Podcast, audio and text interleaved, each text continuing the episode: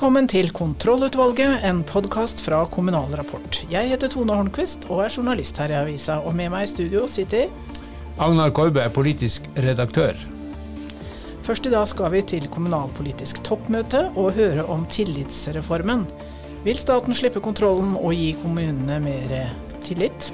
Ja, Så skal vi også snakke med en kar som har tatt en doktorgradsoppgave på region- og kommunereformen. Forsker Thomas Myksvold heter han, han er med oss fra Bergen. Så skal vi snakke om lokaldemokrati i praksis. Gjøvik skal være med i regjeringens prosjekt og videreutvikle sitt lokaldemokrati som foregangskommune. Merete Wem og Mari Brostuen Hagen forteller om Bygdelab, som de jobber med. Og til slutt så skal vi til Finnmark, og der skal vi ta en Alta. Er dagsorden godkjent, Tone? Dagsorden er godkjent, og møtet er satt. KS har arrangert eh, kommunalpolitisk toppmøte, og hovedtemaet der var tillitsreformen. Eh, vi skal høre nå litt hva utdanningsminister Tonje Brenna sa om det. Så har vi samtidig eh, i utgangspunktet stor frihet til hvordan de rettighetene kan oppfylles. Jeg tror For utdanningssektoren så er noe av utfordringa eh, både det som er styrken og det som er krevende. Styrken er jo at alle eier utdanningssektoren. Kommunene, fylkene, staten, foreldrene, elevene, lærerne. Alle eh, har en aksje i det. Eh, men jeg tror ganske ofte for den enkelte lærer i det enkelte klasserom at det ikke er sånn at det er åpenbart at nå utfører en tjeneste på vegne av kommunen eller staten, men at det er lag på lag på lag med krav. Så staten legger inn et krav, så legger kommunen eller fylkeskommunen oppå det, så blir det spesifisert av politikerne både nasjonalt og lokalt, og så blir det lag på lag, og så oppfatter man til slutt at man ikke har Altså det blir en tvangstrøye. Du har liksom ikke pedagogisk frihet til å løse oppdraget. Og det er jo det vi må sortere på, ikke sant. Fordi rettighetene skal ligge der, men vi må få mer frihet til å ja, oppfylle rettighetene. Apropos sortere, fordi uh, i den nye opplæringslova så lurer jeg på hvordan vil den bli retta inn for å gi kommunene rom og rammer til å gjøre jobben sin med den oppveksende slekt, uten å bruke for mye ressurser på rapportering og eh, kontroll? Jeg tror, for å være litt uh, ærlig, da, at hvis du tok alle de kravene på rapportering som staten har, og så legger du de ved siden av det kommunene og fylkene legger til det staten har, så er det ikke det enkelte som er problemet, det er summen. Og det er jo noe av det tillitsreformen må handle om for utdanningssektoren, er å sortere på det. Og jeg tror vi skal være så ærlige til å si at hvis vi skal lykkes med dette, så er det nok en del ting vi også må slutte med. Eh, det betyr jo at eh, vi må ta vare på det som er bra der ute, nemlig at den enkelte kommune føler stort eierskap til sin egen skole. Det er en viktig bygning, vi har korpsøvelser, og besteforeldre gikk på samme skole som barnebarna. Vi føler eierskap til den skolen, men det er ikke sikkert at det er det samme som at eh, man hele tiden skal få lov til, ut ifra et lokalperspektiv, å legge inn flere krav til rapportering og målstyring, f.eks. Men hva som skal ut, det må vi jo finne ut sammen med kommunene i det arbeidet med tillitsreform, for ellers er det jo ikke tillit til å bygge på. Kommunalminister Bjørn Arild Gram var også til stede på toppmøtet, og han sa dette. Blir det frikommuneforsøk sammen med tillitsreform for kommunene, Gram?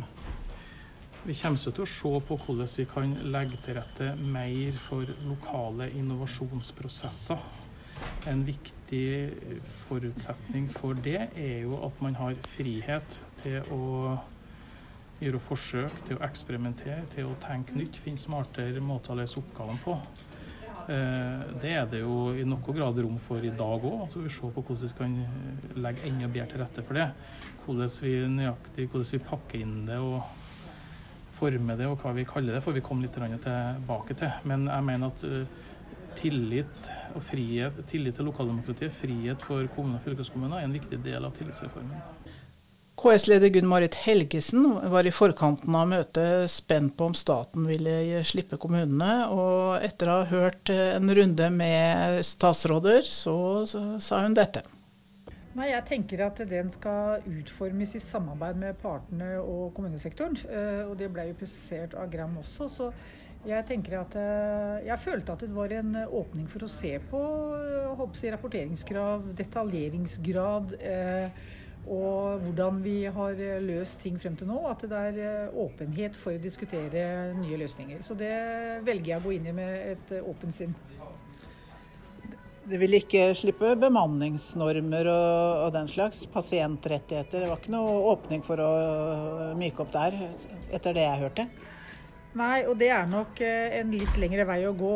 Men eh, det blir iallfall viktig å diskutere om at man ikke skal innføre nye rettigheter og bemanningsnormer da, eh, hvis man virkelig skal bruke ressursene på en god måte. Fordi vi er helt avhengig av større fleksibilitet hvis vi skal utløse ressurser. Og da tenker jeg ikke nødvendigvis på, på kroner og øre, jeg tenker på menneskelige ressurser.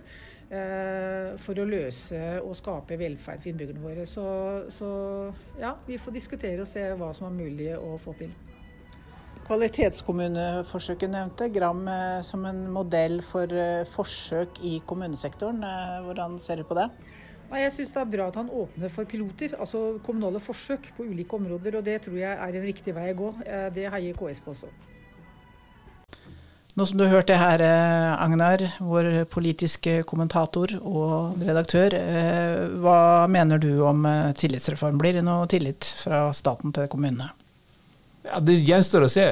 Jeg syns jo statsråden har vært smart når han har kjøpt seg litt tid med å, å sette i gang en sånn utredning, grundig prosess, få innspill fra de ulike partene som han er opptatt av å snakke med. Det er bra. Han iler langsomt. Eh, eh, det passer nok kommunene det å kunne være med på å legge noen premisser for debatten. Men til syvende og sist så handler det om hvor mye, hvor mye staten tør slippe kommunene løs. I debatten i dag, så, på toppmøtet, så var det jo han, så var det to andre statsråder, fagstatsråder helseministeren og kunnskapsministeren. De sitter jo på viktige områder, styrer viktige områder for kommunene. Masse rettigheter, masse detaljstyring. Hva er de villige til å slippe opp på når uh, kommunalministeren utfordrer dem? Det gjenstår å se. Vi hørte jo ikke at de sa vi, vi kutter eh, bemanningsnormer og pasientrettigheter. Tvert imot så skulle det ligge liksom i bånn for denne tillitsreformen. Ja, vi har sterke rettigheter. Det er det politisk klima for å løse opp i dem? Hvilke rikspolitikere tør å si det? Jeg vet ikke. En annen som var med på toppmøtet i dag, det var jo SVs Audun Lysbakken. Det er jo ikke et parti som er kjent for å, å gi kommunene masse handlefrihet. Så eh, det blir spennende. Eh, kommunalministeren får en eh, utfordrende og krevende jobb, som det jo heter på politisk. Det blir noen, noen kraftige runder internt, men vi som heier på kommunene. Vi får jo bare backe han opp og si at her, må du, her, må du, bare knalle til. Altså. Få i gang noen ordentlige forsøk, fylle dem med litt innhold og få litt sånn diskusjon. Det trenger vi.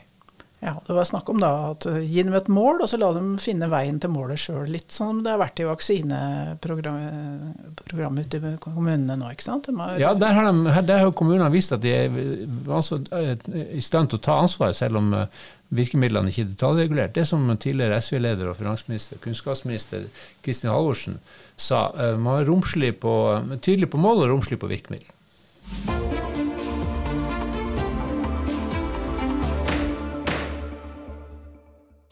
I Bergen på forskningsinstituttet Nors har eh, Thomas Myksvold nettopp eh, forsvart sin doktoravhandling om byråkratenes rolle i regionreformen og kommunereformen. I regionreformen har han spurt de ansatte, og i kommunereformen er alle statsforvalterne intervjua. Og hvilke hovedfunn eh, fant du, Miksvold? Jo, altså det Funnene blant de ansatte i fylkeskommunen er at uh, først så er de ganske skeptiske til tvangssammenslåinger og mer positive til frivillige sammenslåinger. Uh, men dersom de er mer positive til frivillige sammenslåinger, så blir de også mer positive til tvangssammenslåinger. Da handler det ikke lenger om tvang eller frivillighet. Det handler mer om å slå sammen et fylke eller å ikke slå det sammen. Uh, I tillegg til det så har jeg sett at mange uh, argumenter om effekter av denne reformen, som å redusere og effektivisere byråkrati, har også gjort dem mye mer positive til regionreformen. Og da også selv tvangssammenslåinger. Um, så, de ansatte vil eh, effektivisere? De har et ønske om det, ja. De mener det er viktig. Og at uh, dersom de ønsker det å effektivisere, så blir de også mer for å slå sammen fylker. Og så var det kommunereformen. Der eh, snakka du altså med alle statsforvalterne som ble dybdeintervjua om det? Ja, det var jo 17 av det på tidspunktet de ble intervjua våren 2017. De ble intervjua før eh, sammenslåingene var bestemt av Stortinget, men etter at statsforvalterne hadde kommet med sine egne eh, anbefalinger om kommunesammenslåinger. Og Hvis man ser på et kart over hvordan kommunereformen ble, så var den veldig ulik fra fylke til fylke. I noen fylker, Vestfold, Akershus f.eks., så ble jo nesten hele kommunekartet endra, eller foreslått endra i hvert fall. I andre så var det mye mindre som skjedde, bl.a. i Oppland og Hedmark. Der var det ikke en eneste sammenslåingsanbefaling som kom. Og da ble det heller ingen sammenslåinger i de to fylkene. Eh, og gjennom disse intervjuene med statsforvalterne så er det vist at de hadde en veldig ulik reformforståelse. Skulle de gå inn for tvang? Skulle de kun eh, basere seg på kommunenes egne eh, ønsker? Og hvordan argumenterte de for de valgene de tok? Og da ser man igjen denne funksjonelle holdningen blant noen statsforvaltere eh, som gjorde at de ble mye mer positive til å slå sammen kommuner, selv om det da ble gjort med tvang. Og de som var mye mer skeptiske til å slå sammen kommuner, eh, i hvert fall mot sin vilje, de argumenterte mer på eh, lokaldemokrati og, og lokale kulturer og identitet som var noe som måtte respekteres og ja, bevares, for å kalle det det. da gjennom denne prosessen. For hvis ikke så ville man ikke få noe særlig gode utfall av reformen. Men eh, det ble jo ikke sammenslåinger i de fylkene hvor eh, fylkesmannen ikke foreslo sammenslåinger, så fylkesmennene hadde stor påvirkning her. Ja, eh, hvis man f.eks. sammenligner et kart av fylkesmennenes sammenslåingsanbefalinger og de faktiske sammenslåingene, så er det veldig stor likhet. Eh, Stortinget gikk ikke, og regjeringa gikk ikke langt utover det som ble anbefalt av fylkesmennene. Så de fikk en eh, historisk stor påvirkning på hvordan eh, kommunekartet skulle se ut. Så du noe Altså du sa Hedmark, der ble det ikke noe. Vestfold ble det mye. Så du noe på disse fylkesmennenes tidligere partibakgrunn, om det hadde noe å si for hva de foreslo? Jeg så på det tidligere i, i uh, doktorgradsløpet, for jeg tenkte det kanskje kunne ha noe å si. så Først så, så jeg på om det var noen forskjell mellom de fylkesmennene som hadde politisk bakgrunn, og de som ikke hadde det. Der var det ingen mønstre. Så så jeg på om det var noe forskjell mellom ulik partitilhørighet. altså opposisjon venstresiden eller i posisjon høyresiden partibakgrunn på fylkesmennene igjen så hadde det ikke noe å si. Det var, eh, det var noe annet enn bakgrunnen til disse fylkesmennene. Og det var forståelsen av oppdraget, rett og slett? Ja. Hvordan kunne det bli så forskjellig? Kom det ikke klare instrukser fra regjeringen om hvordan dette skulle forstås? Jo, de fikk jo eh, instrukser. Eh, men det som var, var at noen fylkesmenn Eh, altså Det var ikke kun ett vedtak om en kommunereform fra Stortinget gjennom hele kommunereformprosessen. Og gitt det eh, mandatet som fylkesmennene fikk, som var ganske hvitt, så var det en viss rom for tolkning, i hvert fall slik mange av dem oppfattet det. Og da ble spørsmålet for mange av dem skal vi nå se på videre politiske signaler fra nasjonalt nivå, eller skal vi kun ta tak i de instruksene som vi har fått der det står med klartekst hva vi skal gjøre. Og noen av dem i Troms, f.eks. i Akershus, der var holdningen at nei, vi leser um, instruksene slik vi har fått det. Vi skal komme med en faglig anbefaling. Og så får kommunene bare holdt på å si, mene hva de vil om det. Andre steder, eh, jeg mener i hvert fall det skjedde i Agder, der var holdningen mer uh, uklar. Fordi man så hele tiden til Stortinget om at uh, graden av hvorvidt disse fylkesmennene kunne anbefale tvangssammenslåinger, oppfattet de endret seg litt gjennom prosessen. Så de valgte å se heller til utviklingen av reformen fra nasjonalt nivå. Nettopp. nå er det jo oppløsning på gang. I lys av studiene dine, hvordan tror du det vil slå ut? For det første tror jeg det vil skje. I hvert fall med Viken og, og Troms og Finnmark. Ganske sannsynlig men i Innlandet også, men vi får se hvordan folkeavstemningen der slår ut først. Det kan godt også hende at det skjer i Telemark Vestfold og Telemark. Og um, ja, da, da, altså, Grunnen til at jeg så på disse ansatte, i hvert fall i fylkeskommunene, var jo med den tanken at de er jo ganske involvert i disse prosessene. Det er jo de som skal iverksette, men de er jo også målet for disse reformene, med tanke på at de var igangsatt for eh, at man skulle ha byråkratireduksjon og effektivisering og bedre tjenester og alt dette, slik som Solberg-regjeringen argumenterte. Og Da er det jo spørsmål også i den grad at de ansatte blir med på nye runder med omorganisering. Eh, det er jo selvfølgelig et politisk spørsmål om man skal slå sammen et fylke eller om man skal oppløse det. Men til en viss grad så, så setter jo også byråkratiet ganske uh, sånne premisser for hvordan disse uh, oppløsningene skal kunne skje. Og da er spørsmålet igjen hva er holdningene deres til reformen? Var de i utgangspunktet veldig positive til det, og ser de da mer ulemper ved å løse det opp? Eller tenker de at det er bedre å gå tilbake slik det var? Og avhengig litt av hvordan uh, synspunktet på fylkesstruktur, men også kommunestruktur, er i administrasjonene, så kan det gjøre oppløsninger lettere eller vanskeligere.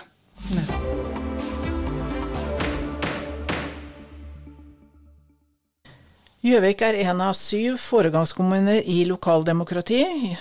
Kommunen ble plukket ut av Kommunaldepartementet, og kan du, leder av utviklingsstaben i Gjøvik eh, kommune, Merete VM, og lab-sjef Anne Marte Settevold, si litt om hva dere gjør i Gjøvik.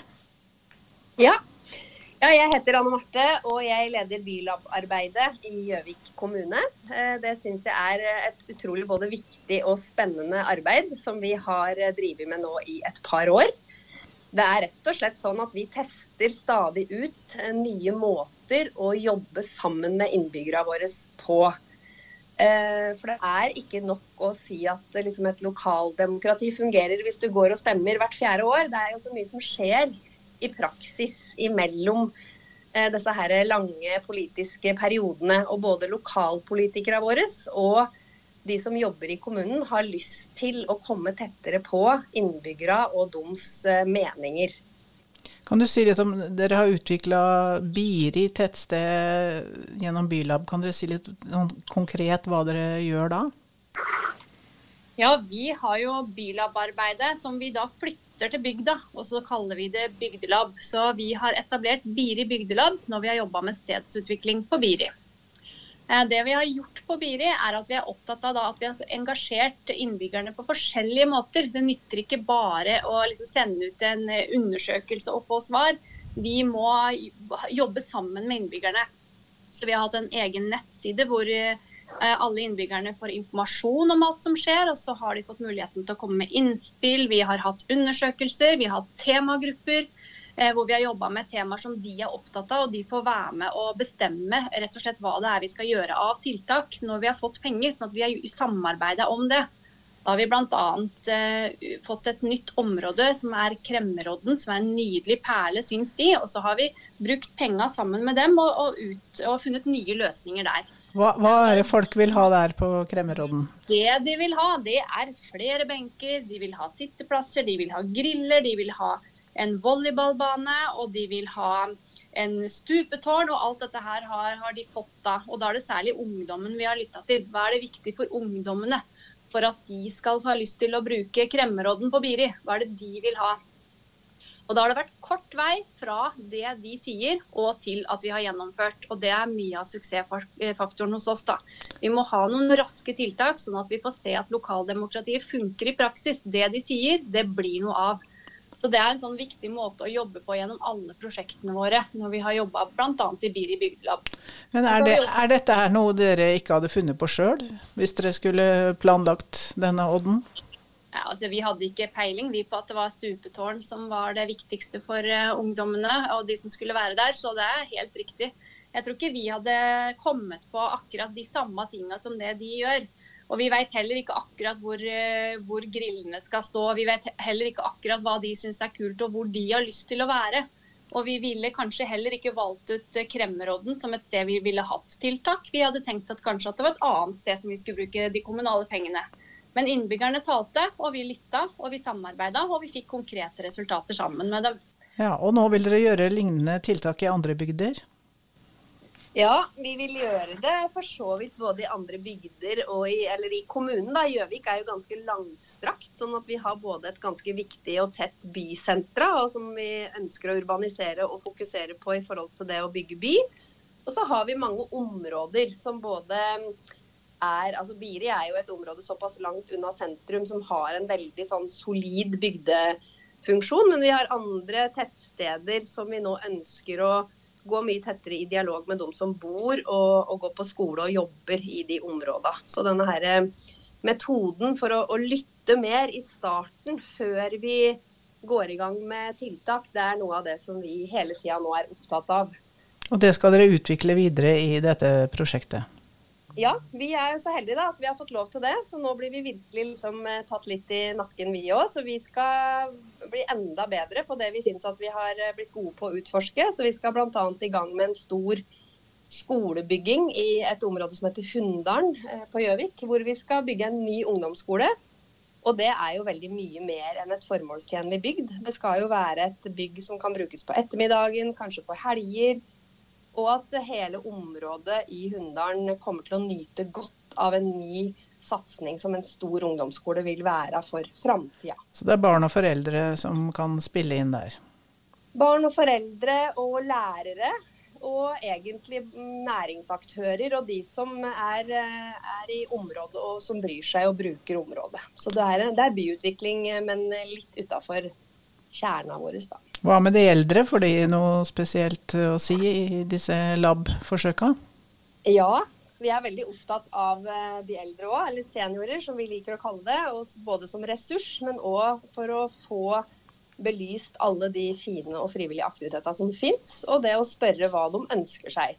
Så vi har en satsing nå som, eh, på noe som vi kaller eh, bo hjemme lenger, og eh, som er eh, dette her med å både synliggjøre aktiviteter og spørre hva slags type arenaer som de seniorene vi har i kommunen trenger for å ha gode liv og for å kunne bo hjemme lengst mulig. For det er jo noe av det som hele Norge er opptatt av. At vi må ha friske eldre som har gode liv, og som kan klare seg i stor grad sjøl. Men da trenger de å være ute i samfunnet. Ja, det høres... Jeg kan si litt, fordi vi, har, vi er jo knytta veldig tett opp til Leve hele livet-reformen og det å jobbe for å få et aldersvennlig samfunn. Så når vi har jobba med bygde, bygda Biri, så har vi jobba konkret også med hva er det vi skal gjøre for å få et aldersvennlig samfunn. Og da er det de som er 65 pluss som har vært med oss å utvikle tiltak for det. Hvilke det tiltak har dere fått da? Vet du hva, Noe av de enkleste tiltakene det var faktisk benker. Ja. At det de sa er at For vi skal kunne bevege oss mer ute og bruke sentrum mer aktivt, så må vi ha, få lov til å sette oss på veien. Så vi eh, raskt kjøpte inn seks benker med gode armlener, sånn at man kan gå til og fra sentrum på en annen måte. Så Det var det enkle tiltaket. Det litt mer langsiktige er at vi jobber med nye frivillige aktiviteter. Også at vi har et omsorgssenter på Biri som skal nå eh, ha flere aktiviteter som alle innbyggerne kan være med og delta i, ikke bare de som bor på senteret. Så Det er eh, to konkrete eksempler på hva vi har gjort med det. Kjempefint. Da må vi si takk til dere fra, for denne gang, og så får vi se om vi kommer tilbake til det når dere får utvikla nye metoder.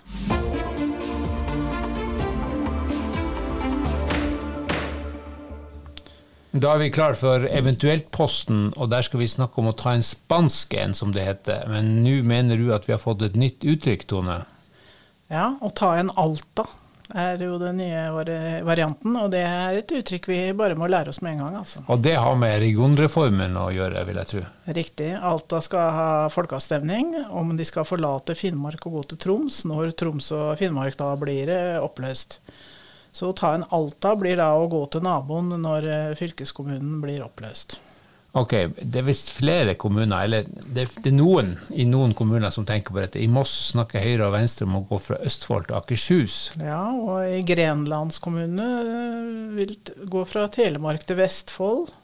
Ja, men altså, det, Dette blir jo kaos hvis vi skal holde på sånn. Hvis alle skal ta en Alta, så blir det Da får vi nok å gjøre fremover. Det er mye å skrive om.